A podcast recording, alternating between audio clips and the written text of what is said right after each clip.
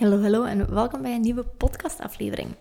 Ik wou het vandaag met jou eens gaan hebben over een, eh, denk ik wel, hot topic. En dat is het huishouden. ik dacht dat het wel nuttig kon zijn om eens te delen hoe ik met mijn man precies het huishouden regel. Zeker uh, sinds dat we een kindje en een hond hebben, komt daar best wel wat, uh, wat bij kijken.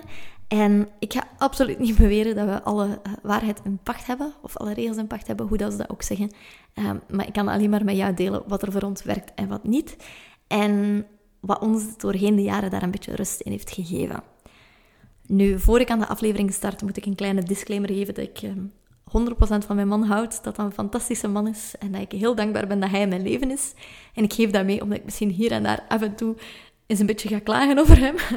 Ehm, maar dat hoort erbij. Ik uh, beeld me in dat ik hier nu gewoon een gesprek met een vriendin aan het hebben ben en dat ik de positieve en de iets minder positieve kanten um, van een relatie en samen het huishouden doen, dat ik het daar kort eventjes wat over hebben.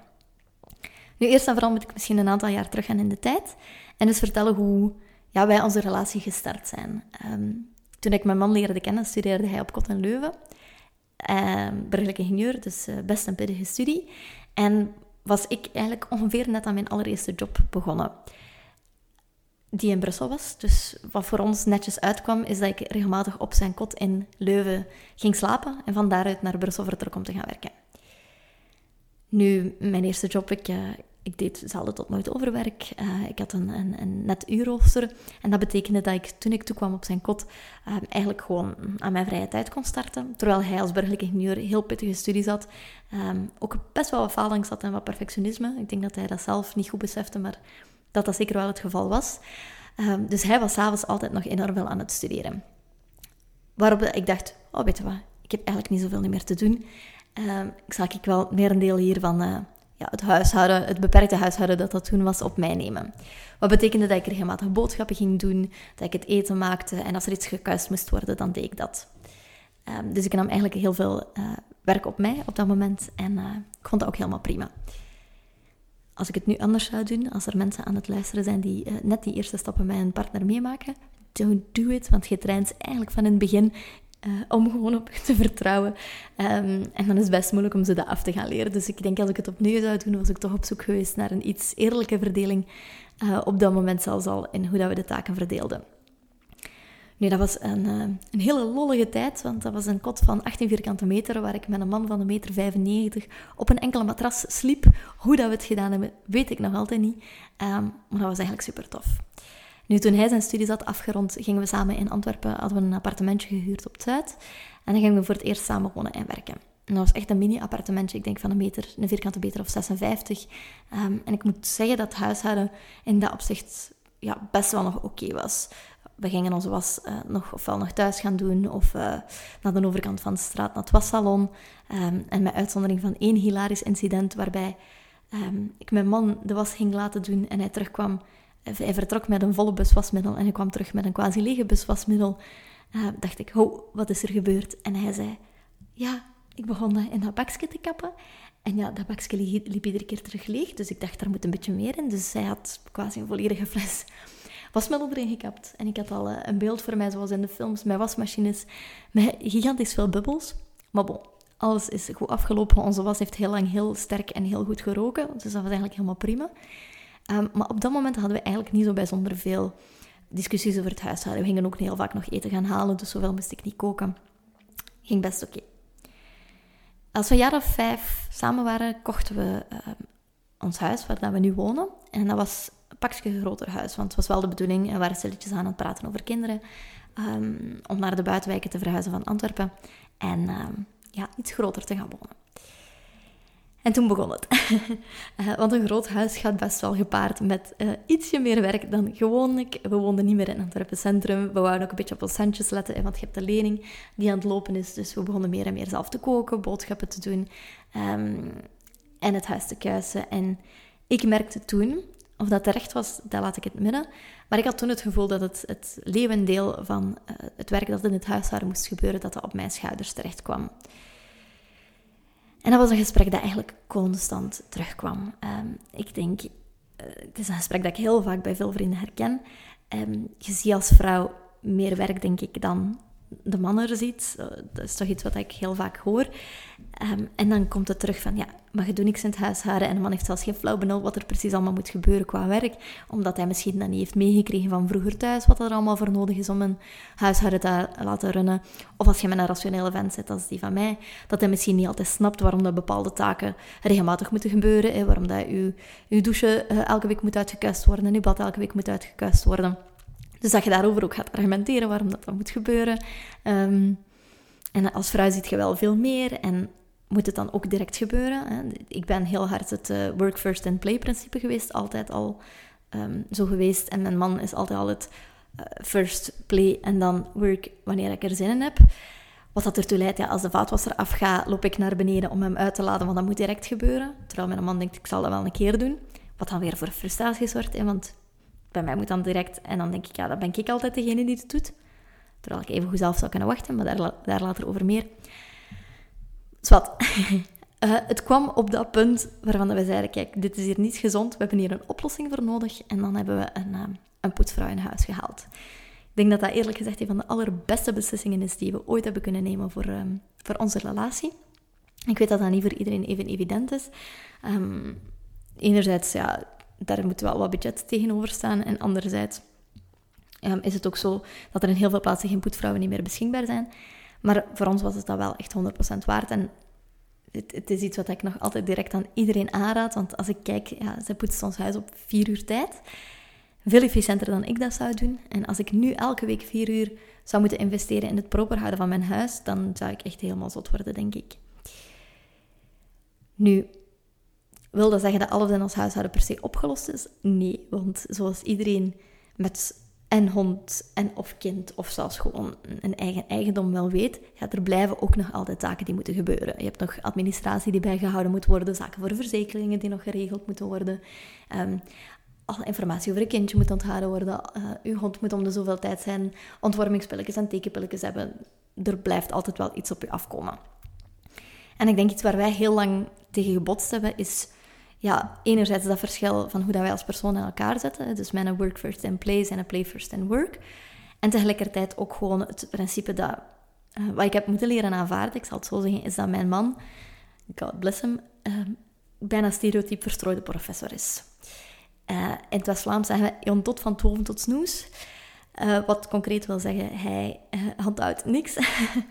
en dat is iets wat ik natuurlijk, als je hem wel een beetje kent als um, productiviteitsexpert, ja, ook wel geloof dat je niks uit, maar waarbij ik bij altijd op zoek ben naar manieren om die zaken wel gedaan te krijgen en zaken wel geregeld te krijgen en niks te vergeten, denkt hij, mijn huishouden moet niet als werk aanvoelen.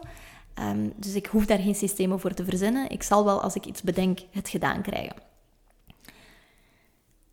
Wat natuurlijk soms maakt dat huishouden voor mij dan wel als een tweede job aanvoelt, omdat ik heel veel op mij ben gaan nemen. Um, en is dat 100% eerlijk? Nee. Vind ik dat helemaal correct dat zo is? Ook nog altijd niet, maar ik heb wel geleerd om dat los te laten. Um, daarnaast ben ik ook altijd heel lang de typische vraag geweest dat ik geen hulp wou vragen en ook verwachtte dat mijn man werk zag. Heb ik ook leren loslaten. Daar ga ik zo meteen op terugkomen wat dat voor ons uh, wel geholpen heeft daarin. Want ik heb moeten leren beseffen dat mijn man dat absoluut geen kwaad wil is, dat hij niet wil helpen in het huishouden. Um, hij wil zeker helpen, maar je moet het vragen. En daar, moet je, daar moet ik, heb ik mij moeten leren overzetten. Dat ik hulp moet leren vragen. Um, wat er dan eigenlijk nu bij ons voor zorgt dat het stabiel blijft en we weinig discussies hebben, om daar eigenlijk toch een paar tips aan te gaan koppelen, zijn dus een paar zaken. Um, enerzijds denk ik dat een van de magische woorden verwachtingen is. Uh, je hebt het mij al een paar keer horen zeggen, het is echt verwachtingen bijstellen, want ik heb er heel lang tegen gevochten dat ik dus manager van het huishouden was. Met als argument van zijn kant uit van ja, maar je zet er gewoon beter in. Opnieuw, helemaal eerlijk, dat weet ik niet. Maar ik heb het wel gewoon aanvaard. Omdat voor mij is het veel belangrijker dat mijn relatie op langere termijn goed blijft lopen. Um, dan dat ik per se daar telkens opnieuw ruzie over ga maken. Van kijk, het is niet correct dat ik hier per se de manager ben, want het is ook voor mij een tweede job. Um, maar dat heeft er wel toe geleid, en dat is meteen tip nummer twee, dat we ook zijn gaan beginnen kijken naar we gaan uitbesteden wat kan. Want ik vind het dan niet correct dat ik de manager zou zijn van het huishouden, maar dat ik dan per se maar alles zou moeten gaan doen. Um, en heel veel van mijn tijd in het huishouden zou moeten steken terwijl hij in de zetel zit chillen. En dat is wel het grote voordeel bij mijn man. We hebben daar heel open op, over gecommuniceerd. Dat we gaan kijken naar, oké, welke taken kunnen we hier gaan vereenvoudigen? Um, of welke taken kunnen we uit handen gaan geven? Uh, waar kunnen we iets meer geld in investeren? Om toch te maken dat die workload bij mij um, wat lager zit. En dan zal ik wel zorgen, hè, dan zal ik daarin wel de manager blijven die dat de taken delegeert. Maar dat niet per se zoveel mogelijk gaat uitvoeren.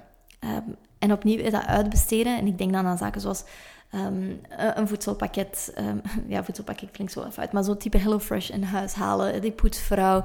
Um, dus een tuinman hebben we nu nog nooit gedaan. Maar dat zou zeker iets zijn wat we ook zouden doen. Nu met ons huis ook. Uh, we zijn bezig met ons huis te verkopen. Dat we ook gaan kijken hoe kunnen we daar zoveel mogelijk taken uit handen gaan geven. Um, dus nood en ruil ja, voor wat geld, maar om het leven voor onszelf wel zo gemakkelijk mogelijk te maken. En ik denk dat daarop neerkomt dat ik gezegd heb, oké prima, ik neem de managerrol op mij, maar dan gaan we wel in dit en dit en dit investeren. Want ik wil daar dan niet mijn tijd in steken. Um, daar zijn we akkoord in gegaan en dat geld dat is mij ook 100% waard, want ik geloof dat ik dat enerzijds terugverdien doordat ik in mijn job rustiger ben en dat ik daar meer tijd in kan investeren. Ik ben ook rustiger in mijn relatie daardoor Um, en ook rustiger in mijn relatie met mijn kind, doordat ik die vrijheid heb en die, dat meer tijd heb. Nu, opnieuw, ik had het al gezegd, met dat uitbesteden blijven er ook nog altijd zaken over. Um, dan zijn we eigenlijk gaan kijken naar, kunnen we een soort van praktische onderverdeling en taakverdeling maken in wat er nog overblijft. Bijvoorbeeld, ik ben inderdaad de, de meer praktische uh, leider die, leider, degene die het takenlijstje gaat bijhouden en gaat kijken, oké, nu moeten de lakens vervangen worden, nu moeten... Um, uh, ja, wat moet er allemaal gebeuren? Nu moet ja, niet per se het gras afgemaaid worden, want dat zie je wel, maar nu moet de tuintafel geschuurd worden, nu moet de hond zijn tekenpilletjes krijgen, nu moet er dit gebeuren, nu moet er dat gebeuren. Um, en vervolgens ga ik bepaalde zaken daarin aan mijn man gaan delegeren. En ik denk waar wij ook in overeengekomen zijn, is um, dat ik vaker de recurrente taken ga doen.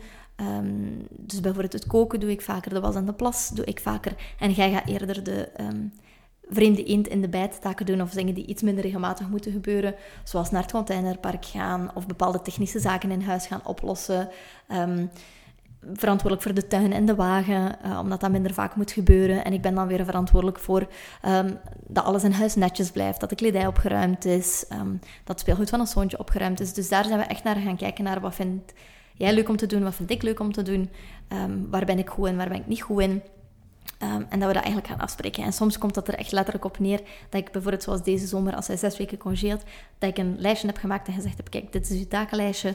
Um, schiet er maar mee in gang. Maakt me niet uit wanneer dat je doet, maar het zou fijn zijn als het binnenkort gedaan is. Dus dat helpt ons daar enorm bij, die, die onderverdeling gaan maken. En ik denk, als je ook het gevoel hebt maakt niet uit of dat als vrouw of als man is, maar dat je meer doet dan je partner, kan het zeker ook geen kwaad om dat eens allemaal te gaan opschrijven. Van wat doe je precies allemaal in het, in het huishouden en wie neemt wat op zich? Want dat heb ik wel gemerkt, dat ik heel vaak onderschatte wat mijn man wel deed. Ehm, hij is bijvoorbeeld al jarenlang ermee verantwoordelijk voor om met de hond te gaan wandelen. Terwijl dat, dat voor mij ook, ik doe dat ontzettend graag, maar hij doet dat meer zodat ik dan af en toe eens een bad kan nemen. Um, of hij is er altijd voor verantwoordelijk geweest om het vuilnis buiten te zetten. Er zijn heel veel zaken dat je eigenlijk heel vaak ook niet merkt dat de andere persoon doet. En bij ons is dat zeker enorm um, gestegen sinds dat ons zoontje er is. Want ik denk, ook met ons zoontje, dat we een beetje een onuitgesproken taakverdeling hebben. Als in, mijn man gaat veel vaker uh, een pamper doen um, en er even mee spelen terwijl ik dingen aan het opruimen ben in huis. En ik ga veel vaker de mentale zorg daarvoor doen, maken dat hij kleertjes heeft, dat eigenlijk alles qua medicijnen in huis is. Um, dus daar ook weer de praktische kant en de man, mijn man iets meer de uitvoerende kant. En ik denk dat we daar ook een hele mooie balans in gevonden hebben. Verder, dus ik had al drie tips. Hè, dus je verwachting bijstellen, uitbesteden wat kan en die praktische onderverdeling maken. Verder, wat ons ook helpt, is heel concrete afspraken maken. Um, een van de redenen waarom dat huishouden bij ons nu ook veel vlotter loopt, is omdat mijn man um, de dag dat mijn zoontje thuis is van de crash, dat is op donderdag, heeft hij op zich genomen. Hij is dus vier vijfde gaan werken um, in plaats van ik. Dus we zijn daar een klein beetje misschien een atypisch voorbeeld in in de huidige maatschappij. Omdat, ja, dat klinkt raar, maar ik geniet, hij geniet enorm van zijn job. Maar ik denk dat ik dat nog iets meer doe. Uh, en hij weet dat ja, op andere dagen als mijn zoontje ziek is, dat ik er kan staan. Um, dus compenseren we het op die manier dat ik zeker één dag per week heb waarop ik absoluut aan mijn bedrijf kan werken. En hoe wij het dan regelen, is dat ik er dan voor zorg dat hij op zaterdagen uh, iets meer zijn rust um, kan bewaken. En dan neem ik ons zoontje vaker mee op zaterdag voor een beetje mommy-boy date. Um, ja, dat wij onze kwaliteiten met elkaar hebben. Wat zijn nog concrete afspraken die wij onderling gemaakt hebben, is om bijvoorbeeld uh, geen informatie in bed niet meer te delen. Um, ook iets klassiek, en daarmee bedoel ik verstrooide professor, wat mijn man al jaren gedaan heeft, is als hij aan iets denkt, iets dat moet geregeld worden, dan zegt hij het meteen. Ongeacht dat je de afwas aan het doen dat je aan het wandelen bent met de hond of dat je s'avonds in bed ligt. Hij spuit er gewoon uit. Um, en dan heb ik ook heel duidelijk moeten aangeven van, kijk, voor mij eigenlijk niks praktisch. Van zodra dat we de slaapkamer binnen zijn, wil ik geen praktische informatie meer hebben. Want dan begint mijn molentje terug te draaien. En ik weet niet of je het al een beetje door hebt, maar mijn vijfde tip, en dat is misschien een klein, een klein beetje een vage, waarvoor mijn excuses, maar alles komt neer op communicatie. Ik denk, als ik terugkijk naar, naar mijn relatie aan het begin met mijn partner, mijn moeder maakte zich toen een klein beetje zorgen, omdat we heel vaak discussies hadden. Um, wij zijn een beetje het klassieke toonbeeld van hij een rationele IT'er en ik een emotionele, ja, wat ben ik eigenlijk, een Duracell-konijn, um, met veel ambities die in het begin heel vaak op, op, op zaken gebotst zijn en ook in zo'n manier van, van discussiëren en, en communiceren. En we zijn daar doorheen de jaren echt naar, naar elkaar toe gegroeid. Um, dus we hebben daar echt heel duidelijk in communiceren, leren communiceren wat dat we nodig hebben van de ander. Mm, en ik denk dat dat een van de meest krachtige vragen is dat je kunt stellen in je huishouden. Dat is, wat heb jij van mij nodig? Want ik besefte ook dat ik ja, ook weer daar heel onrealistische verwachtingen van mezelf had. Van wat doet een, wat doet een goede huismoeder en wat doet een goede vrouw, een goede partner uh, ten opzichte van de persoon um, die tegenover haar staat. Um, en ik, ik, ik had toen de verwachting van mezelf van ja, de t-shirts moeten altijd gestreken zijn of er moet altijd vers eten op tafel staan. En door gewoon al die zaken en die verwachtingen te gaan uitspreken en te vragen, ja, maar wat heb je eigenlijk concreet van mij nodig? Dat maakt eigenlijk al een wereld van verschil. Dus vraag wat je nodig hebt en dat ook zelf durven aangeven. Um, en die hulp durven vragen. Lost dat alles per se op? Uiteraard niet. Want ik merk ook dat we blijven evolueren als koppel en zeker nu als ouders en dat er altijd nieuwe uitdagingen zijn die erbij komen kijken. Maar ik werk wel bijvoorbeeld nu met een gigantisch project zoals verhuis. Ik denk dat we daar een aantal jaar geleden enorm op elkaar hadden zitten vloeken. Als in wie doet wat. En de ene pakt meer op zich dan de andere. Zeker omdat ik van nature ook uh, nature uit ook iemand ben die wil dat de zaken vooruit gaan. Dus dat ik ook gewoon heel veel naar mij toe trek. En dan merk ik dat we elkaar al veel beter in hebben leren kennen. Door dat communiceren en, en ja, door die verwachtingen daarin bij te gaan stellen. En dat is dus de belangrijkste tip die ik kan meegeven. Is vooral om te blijven babbelen en te blijven het gesprek aangaan. En dat hoeft niet per se, dat je, per se te zijn dat je op tafel klopt en dat je zegt, ik wil dit of dat anders zien. Maar dat je gewoon bespreekt hoe dat je voelt. En uh, hoe dat je naar de toekomst toe daar verder in kunt gaan werken dit gesprek houden en structureren en uh, die takenlijsten gaan uittekenen, dat is trouwens ook iets waar ik u in het Van Rush naar Rust traject mee help. Dat is een traject waarin dat mijn intentie is dat je op 12 weken tijd de nodige handvaten krijgt en eigenlijk al eerste, misschien iets spannende stappen gaat zetten om die rust in je hoofd te gaan creëren. Als je daar meer informatie over wilt, mocht je ons zeker altijd een berichtje sturen via Instagram, dat is atthetimehub.be, of via mail naar team.thetimehub.be. Um, het is een traject dat binnenkort in september start dat in een groepsversie en in een live versie, waarin we live gaan ondersteunen. Maar ga even goed een DIY-versie van zijn dat je op eigen tempo kunt volgen. En het is vooral echt onze intentie om te maken dat je je ambities, dat je ongetwijfeld hebt, met rust kunt gaan combineren. En u daar ja, misschien aan wat heilige huisjes gaan schudden en u daar wat in te gaan challengen. Als dat iets is dat interessant klinkt voor u, neem dan zeker eventjes contact met ons op. We gaan ook de link hieronder in de um, description box zetten, zoals dat ze fancy zeggen, naar de website uh, van dit traject. Kun je rustig alles eventjes nalezen. Maar voor nu hoop ik vooral dat ik jou inspiratie heb kunnen geven. Um, en een blik achter de schermen in wat er tussen mijn man en mij speelt als het op het huishouden aankomt. Opnieuw, we hebben zeker niet alle wijsheid in pacht, maar ik hoop uh, dat ik jou heb kunnen helpen met te delen wat ons in het verleden al geholpen heeft. Heel veel succes ermee, heel veel plezier en uh, graag tot een volgende aflevering.